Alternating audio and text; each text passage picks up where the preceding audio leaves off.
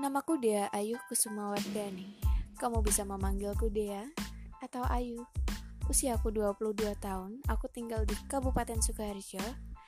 Kalau kamu nggak tahu, kamu pasti tahu kota Solo kan? Iya, aku di sekitar situ. Hobiku menggambar, tapi aku suka juga berbicara. Berbicara tentang patah hati pastinya. Entah hati siapa yang patah, aku akan membahasnya di sini, apa pun penyebabnya.